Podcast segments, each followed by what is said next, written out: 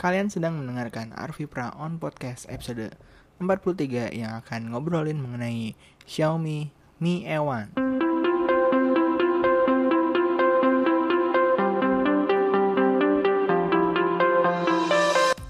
Halo, apa kabar semuanya? Uh, semoga apa ya? Hmm, ya, semoga baik-baik aja kalian yang mendengarkan ini. Uh, mungkin mungkin sih nggak tahu sih, gaya banget sih gue. Mungkin ini akan cukup lumayan yang nonton karena gue akan membahas sesuatu eh, sebuah device yang cukup fenomenal akhir-akhir ini. Deng apa?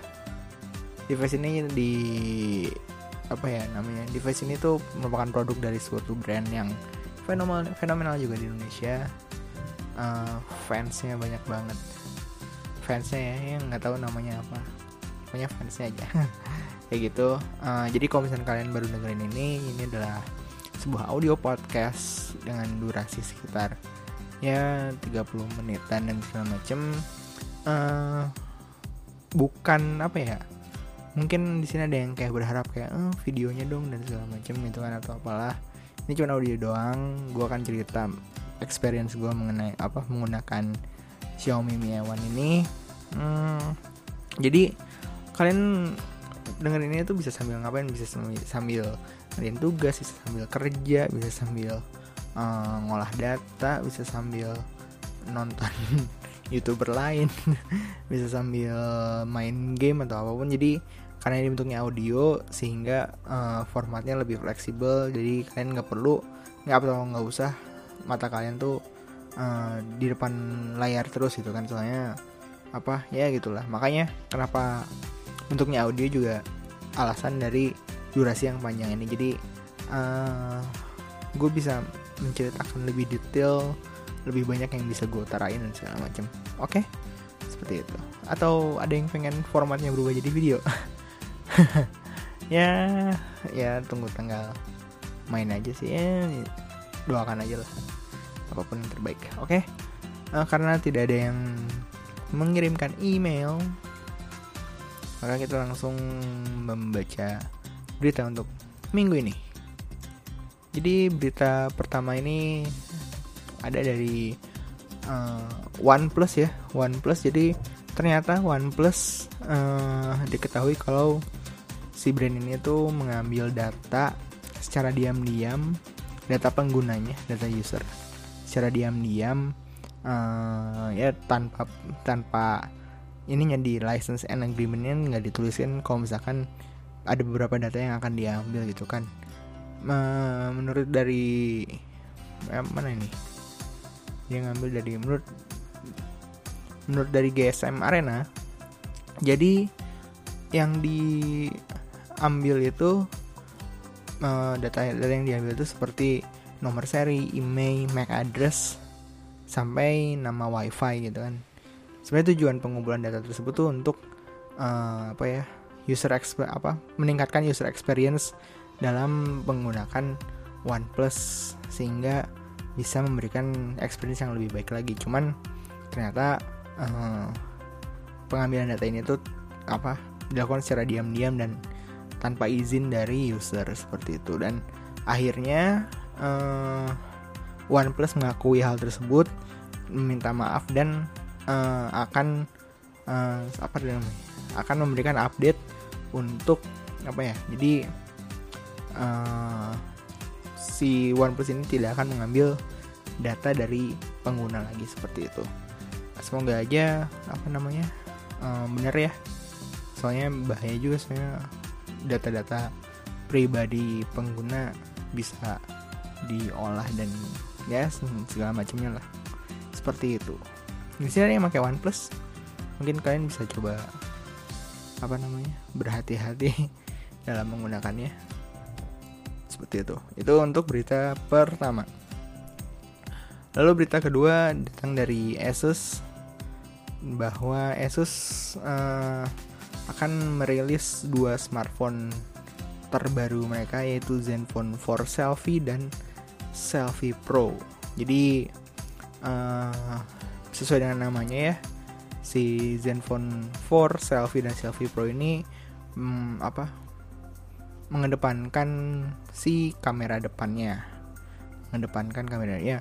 Fitur yang diunggulkan adalah kamera selfie-nya kamera depannya. Kamera selfie-nya itu memiliki resolusi uh, apa namanya? Jangan jangan resolusi deh jadi si kamera depannya itu ada dua. Yang pertama itu uh, lensa normal dan yang satu lagi lensa wide. Untuk menangkap apa angle yang lebih lebar.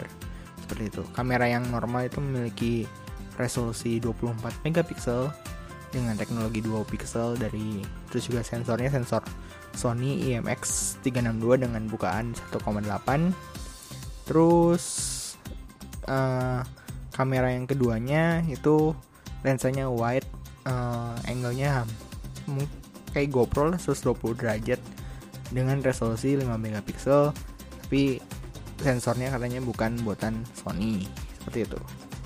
Lalu kamera belakangnya mm, memiliki resolusi 16 megapiksel sudah dibekali dengan sensor Sony IMX351 dengan bukaan 2,2 berarti kamera depannya lebih apa ya lebih mumpuni dibandingkan kamera belakangnya seperti itu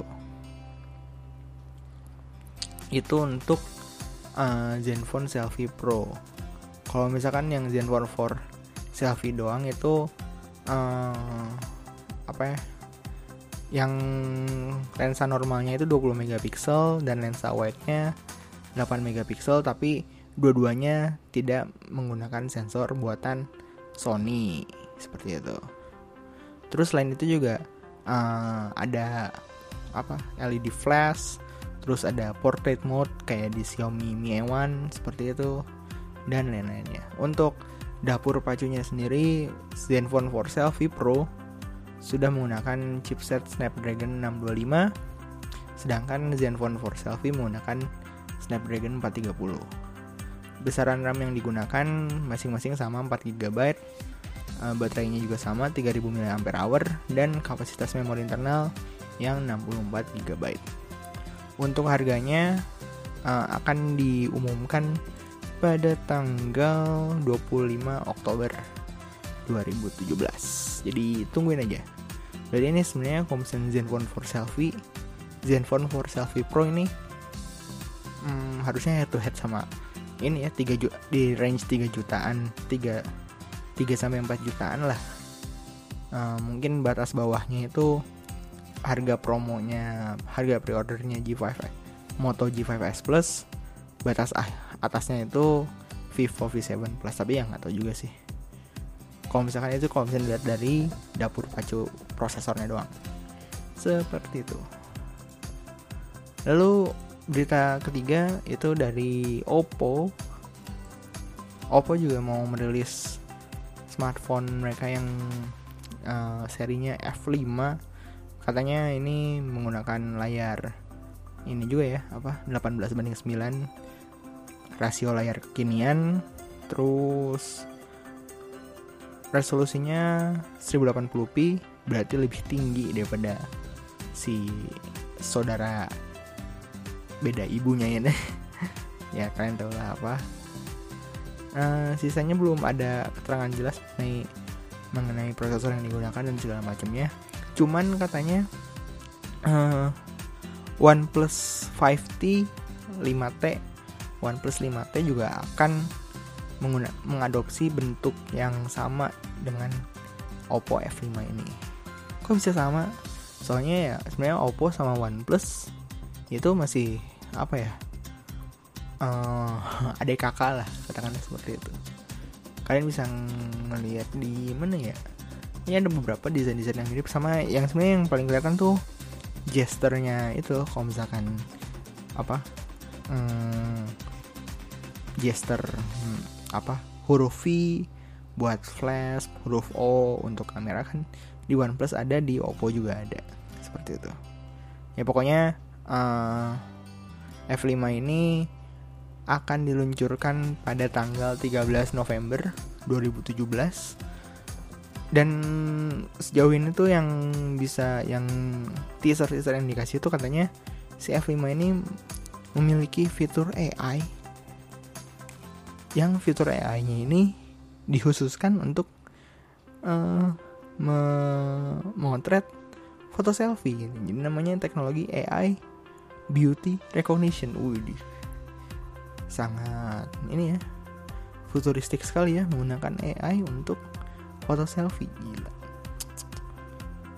Steve Jobs pasti bangga. pokoknya kayak gitu. Nah, ya pokoknya ntar uh, info lebih lanjutnya ntar pas waktu peluncurannya aja tanggal 13 November 2017 Oke, okay, uh, kita bah langsung bahas ke tema eh ke topik obrolan yang akan gue bawain minggu ini. Jadi, ntar gue min minum dulu berarti.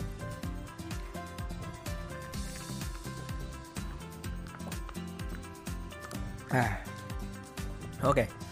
Jadi gue udah sekitar tiga minggu lah menggunakan Xiaomi Mi A1 ini mungkin di sini gue lebih juga cerita pemakaian selama 3 minggu itu kali ya. Sebelumnya bagi yang belum tahu spesifikasinya, Mi A1 ini ditenagai uh, sistem on chip Qualcomm Snapdragon 625, prosesor sejuta umat karena banyak smartphone menggunakan SoC ini dikarenakan perbandingan performa dan efisiensi daya yang oke di kelasnya.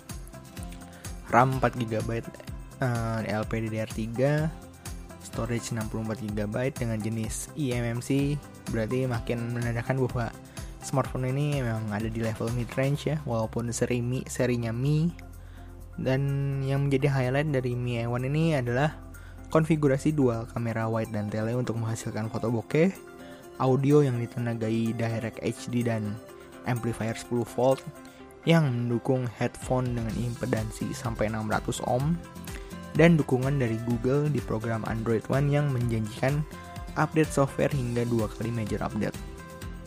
Saat perilisannya pun Mi One dijanjikan mendapatkan Android Oreo pada akhir tahun 2017 dan um, menjadi salah satu smartphone Android yang pertama kali mendapatkan Android P.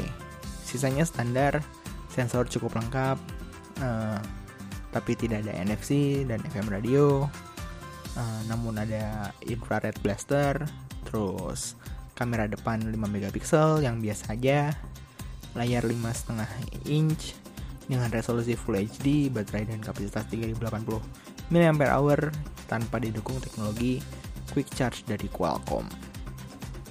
Pertama-tama gue mau ngasih tahu untuk kalian-kalian yang akan membeli smartphone ini kalau Mi A1 ini menggunakan Android uh, versi 7.1.2 stok tanpa customize UI dari vendor yang berarti Mi A1 tidak dilengkapi oleh MIUI berikut embel-embelnya seperti Mi Account, fitur double space, Mi Cloud, dan lain-lain. Kenapa gue menekankan ini?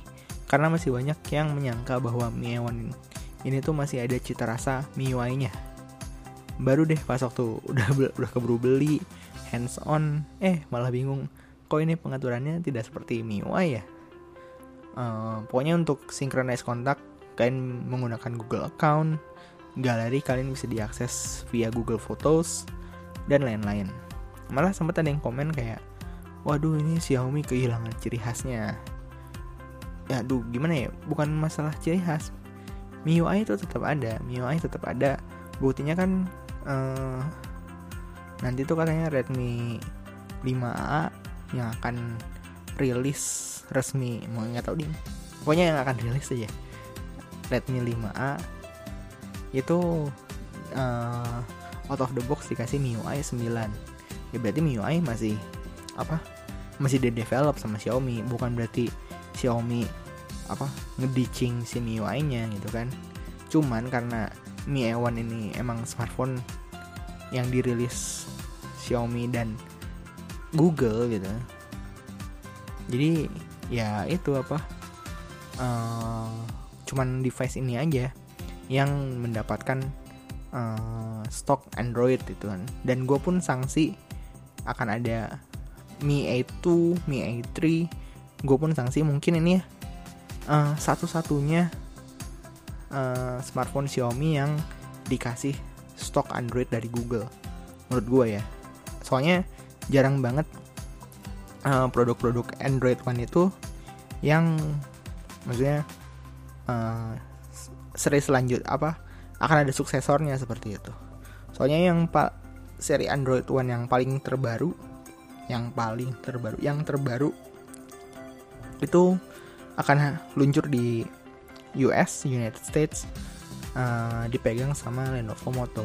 Itu Moto X4 seperti itu. Jadi nggak ada apa dia nggak akan jarang jarang ada suksesornya. Jadi nggak menurut gue nggak mungkin ada Mi A2 dan Mi A3 nggak nggak lah. Menurut gue seperti itu. Nah terus yang gue pikir juga ini gue sempat mikir juga kayaknya ini jangan-jangan Xiaomi ini sama Google nih ini tuh kayaknya cuma bercanda aja kali ya bikin Mi A1 ini. Dilihat dari fanatiknya si dua kubu ini nih dari kubu Mi fans dengan MIUI-nya dan kubu pecinta stok Android yang sebelum-sebelumnya mungkin makin Nexus, Nexus 5, Nexus Nexus 6, Nexus 5X soalnya ada beberapa juga user Mi A1 yang emang migrasi dari uh, Nexus 5 atau Nexus 5X dikarenakan device-nya lebih baru, lebih terjamin untuk mendapatkan update dan uh, stok Android itu kan makanya harganya juga kan nggak terlalu mahal seperti itu. Nah dan akhirnya kejadian juga kan banyak dari pengguna yang sudah biasa menggunakan MIUI sangat tidak terbiasa dari keseder kesederhanaan stok ROM saking tidak terbiasanya tuh banyak yang menjual setelah merasakan ketidaknyamanan menggunakan One kalian bisa coba aja join grup Facebook One masih banyak kok yang jual karena tidak bisa move on dari MIUI Oke, uh, cukup ngoceh mengenai kasus tadi. Kita lanjut ke device. Dari desain gue cukup nyaman saat menggenggam dan melihat Mi A1. Bagian depan tuh terlihat seperti Pixel XL karena dahi dan dagu yang besarnya identik tanpa ada embel-embel yang membedakan. Mungkin kalau Pixel XL ada dua stereo speaker kali ya. eh iya dua stereo speaker. Dan kalau misalnya ini cuman satu doang di bawah kayak iPhone gitu. Seperti itu. Bagian belakangnya tuh mirip. Ya OnePlus 5 atau iPhone 7 Plus itu kan. Dual kameranya seperti itu sebelahnya LED flash seperti itu. Bahannya menggunakan metal ada logo Mi sama logo Android One tombolnya cukup clicky sayang tidak diberikan perbedaan untuk volume button dan power button jadi kadang suka salah mencet terus apa lagi ya uh, kekurangan dari sektor build quality menurut gue adalah pada SIM slotnya. Terdapat baut yang longgar di SIM tray sehingga memberikan kesan ringkih dan tidak aman. Pokoknya gue pas waktu dicabut itu kayak aduh pengen cepet-cepet dimasukin lagi ke device soalnya takut patah, takut rusak, takut copot dan segala macamnya. Seperti itu. Lalu lanjut saat device dinyalakan. Terdapat boot animation dengan logo Xiaomi dan Android One. Setelah boot animation, masuk ke pengaturan pertama smartphone. Karena menggunakan stok Android, segala sinkronisasi itu menggunakan Google Account. Saya mencoba transfer apa fitur transfer file dari smartphone lama Nexus 5 melalui ada pilihan jadi ada pas waktu apa import file dari device lama tuh ada pilihannya. Yang pertama itu uh, import menggunakan Google account. Yang kedua menggunakan device yang lama Android yang lama. Yang ketiga menggunakan iPhone. Dan yang keempat setup sebagai handphone baru. Nah saya menggunakan eh saya sok banget. Gue menggunakan yang pilihan yang kedua uh, apa pindahin dari device Android yang lama. Dan itu menggunakan fitur nearby-nya dari Google. Jadi fitur nearby ini dia uh, sekilas aja ya. Si fitur nearby ini tuh dari Google dia mendeteksi device-device terdekat melalui uh, sinyal WiFi, sinyal Bluetooth sama uh, suara apa ya ultrasonic atau apa. Pokoknya pakai suara aja. Sehingga bisa mendeteksi bahwa di dekat kita tuh ada device yang siap untuk diajak komunikasi seperti itu. Nah, gue tadi hmm, apa nyobain pakai pilihan tersebut ternyata uh, apa namanya si pengaturan pengaturan pengaturan pada device lama itu langsung diterapkan di Mi A1 seperti wallpaper, password WiFi, Google account sampai aplikasi. Lama pemindahannya sekitar 30-45 menit. Gue nggak tahu kalau misalkan itu pas waktu proses pemindahannya itu tuh apakah menggunakan internet data atau transfer secara lokal gue nggak tahu. yang pasti cukup cepat aja seperti itu. Nah baru bentar dioperasiin langsung ada notifikasi mengenai update security patch untuk bulan September. Uh, beserta beberapa bug fixes. Ya memang ini yang dijual dari Android One. Uh, apa namanya? Jaminan apa apa? Patch bulanan untuk menjamin keamanan dan uh, kestabilan sistem. Seperti itu. Kudos to Xiaomi and Google.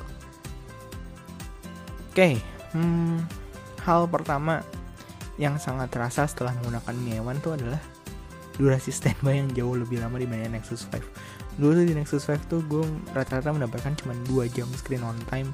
Sedangkan di Mi A1 tuh bisa sampai 7 jam untuk penggunaan ringan seperti sosial media dan browsing lucu gitu seperti itu jika digunakan main game tuh bisa ya dapat 5 sampai 6 jam screen on time lah kira-kira.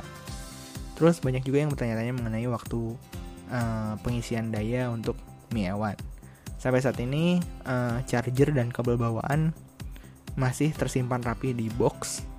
Nggak gue pakai soalnya uh, apa ya? Ya sayang sih so.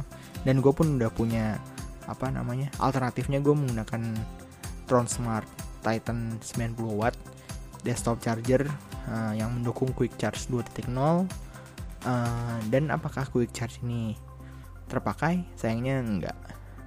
Daya yang diterima Mi A1 tuh rata-rata berkisar 10 watt 5 volt 2 ampere. Seperti itu. Kabel yang gue gunain yang gue pakai tuh Aoki USB Type C charger lumayan kokoh nggak nggak setipis nggak seringkih kabel bawaan yang warna putih. Seperti itu. Di enam hari pertama tuh gue ngambil data kemampuan baterai dan waktu charging. Kalian bisa cek di deskripsi. Untuk filenya mungkin gue upload. Rata-rata charging itu makan waktu misalkan charging dari 15% sampai 100% tuh ya memakan waktu sekitar 1 jam 50 menit. Nah keluhan saya di sektor ini adalah user tuh harus memastikan saat charging itu tuh ada pada kondisi AC charging alternate current charging dan tidak pada USB charging. Soalnya uh, pada saat pengambilan data di hari kedua, kedua gue pakai powerbank DLCL 9000 mAh waktu pengisian tuh bisa sampai 2 jam 45 menit karena kondisi chargingnya yang pada mode USB yang berarti hanya dibatasi di 5 volt 500 mAh nah permasalahannya tuh rata-rata dari kabel sih. Biasanya kalau misalkan kalian tidak belum belum apa ya belum keganti jadi mode AC kalian cabut terus colok lagi aja sampai kalian benar-benar ini apa device kalian di, di charge menggun, apa menggunakan mode AC charging. Seperti itu. Untuk performa Mi A1, uh, gue coba tes menggunakan dua aplikasi benchmark yaitu Antutu dan Geekbench. Untuk Antutu mendapatkan skor 61.319, sedangkan pada Geekbench itu mendapatkan skor 868 untuk single core processing dan 4098 untuk multi core processing. Nilai ini emang tidak terlalu wah karena untuk kelas Snapdragon 625 dengan RAM 4GB emang wajar mendapatkan nilai ini gitu. Untuk performa gaming cukup lancar, jarang ditemukan stuttering atau frame drop. Ya ada sih, cuman nggak nggak sering, nggak nggak nggak sampai di titik mengganggu dalam gameplay. Uh, saran gue untuk kalau kalian yang suka main game di smartphone, uh, kalian main game dalam keadaan discharge karena kalau misalnya kalian main game sambil uh, di di charge Mi A1 ini akan terasa hangat dan kemungkinan besar CPU mengalami throttling. Kalau CPU throttling clock CPU akan turun. Clock CPU turun berarti terjadi frame drop. Seperti itu. Terus minum dulu.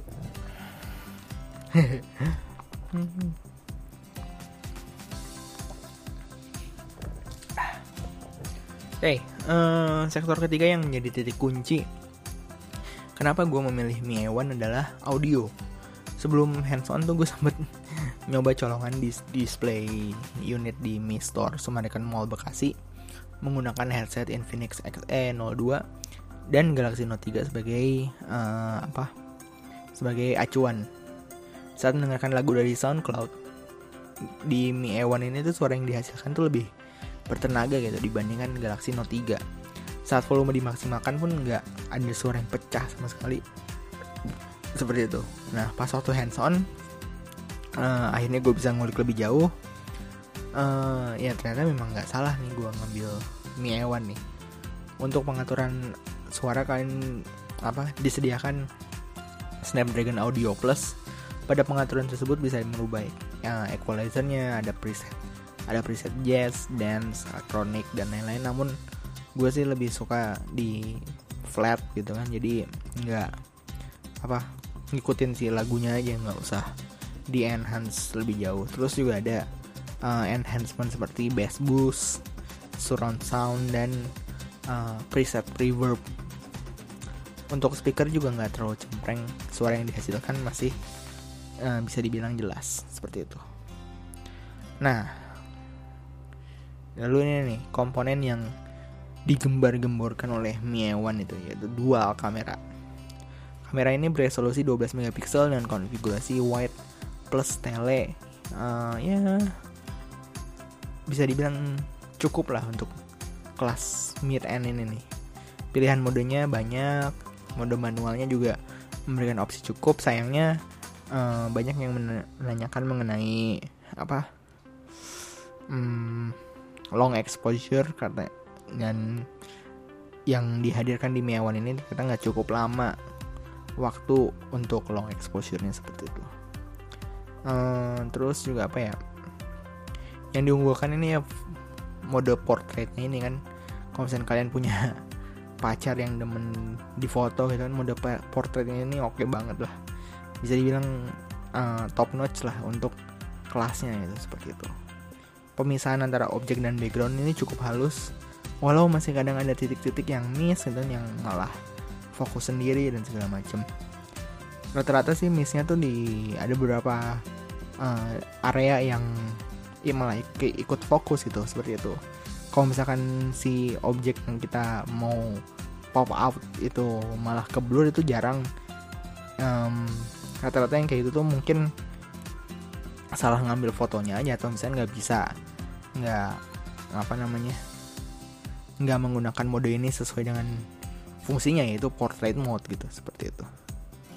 Ya portrait kan berarti ya uh, gridnya itu atau pembagian pembagian apa sih namanya? Kalau fotografi anjir bukan anak fotografi lagi gue uh,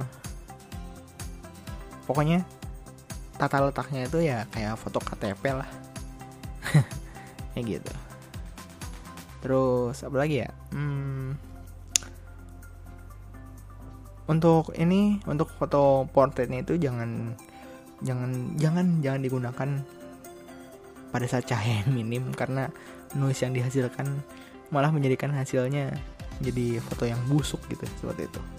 Itu juga sayangnya nggak ada fitur stabilization apa pun sehingga yang terang, tangannya tremor kayak saya ini membutuhkan perangkat tambahan untuk menghasilkan foto yang uh, stable seperti itu.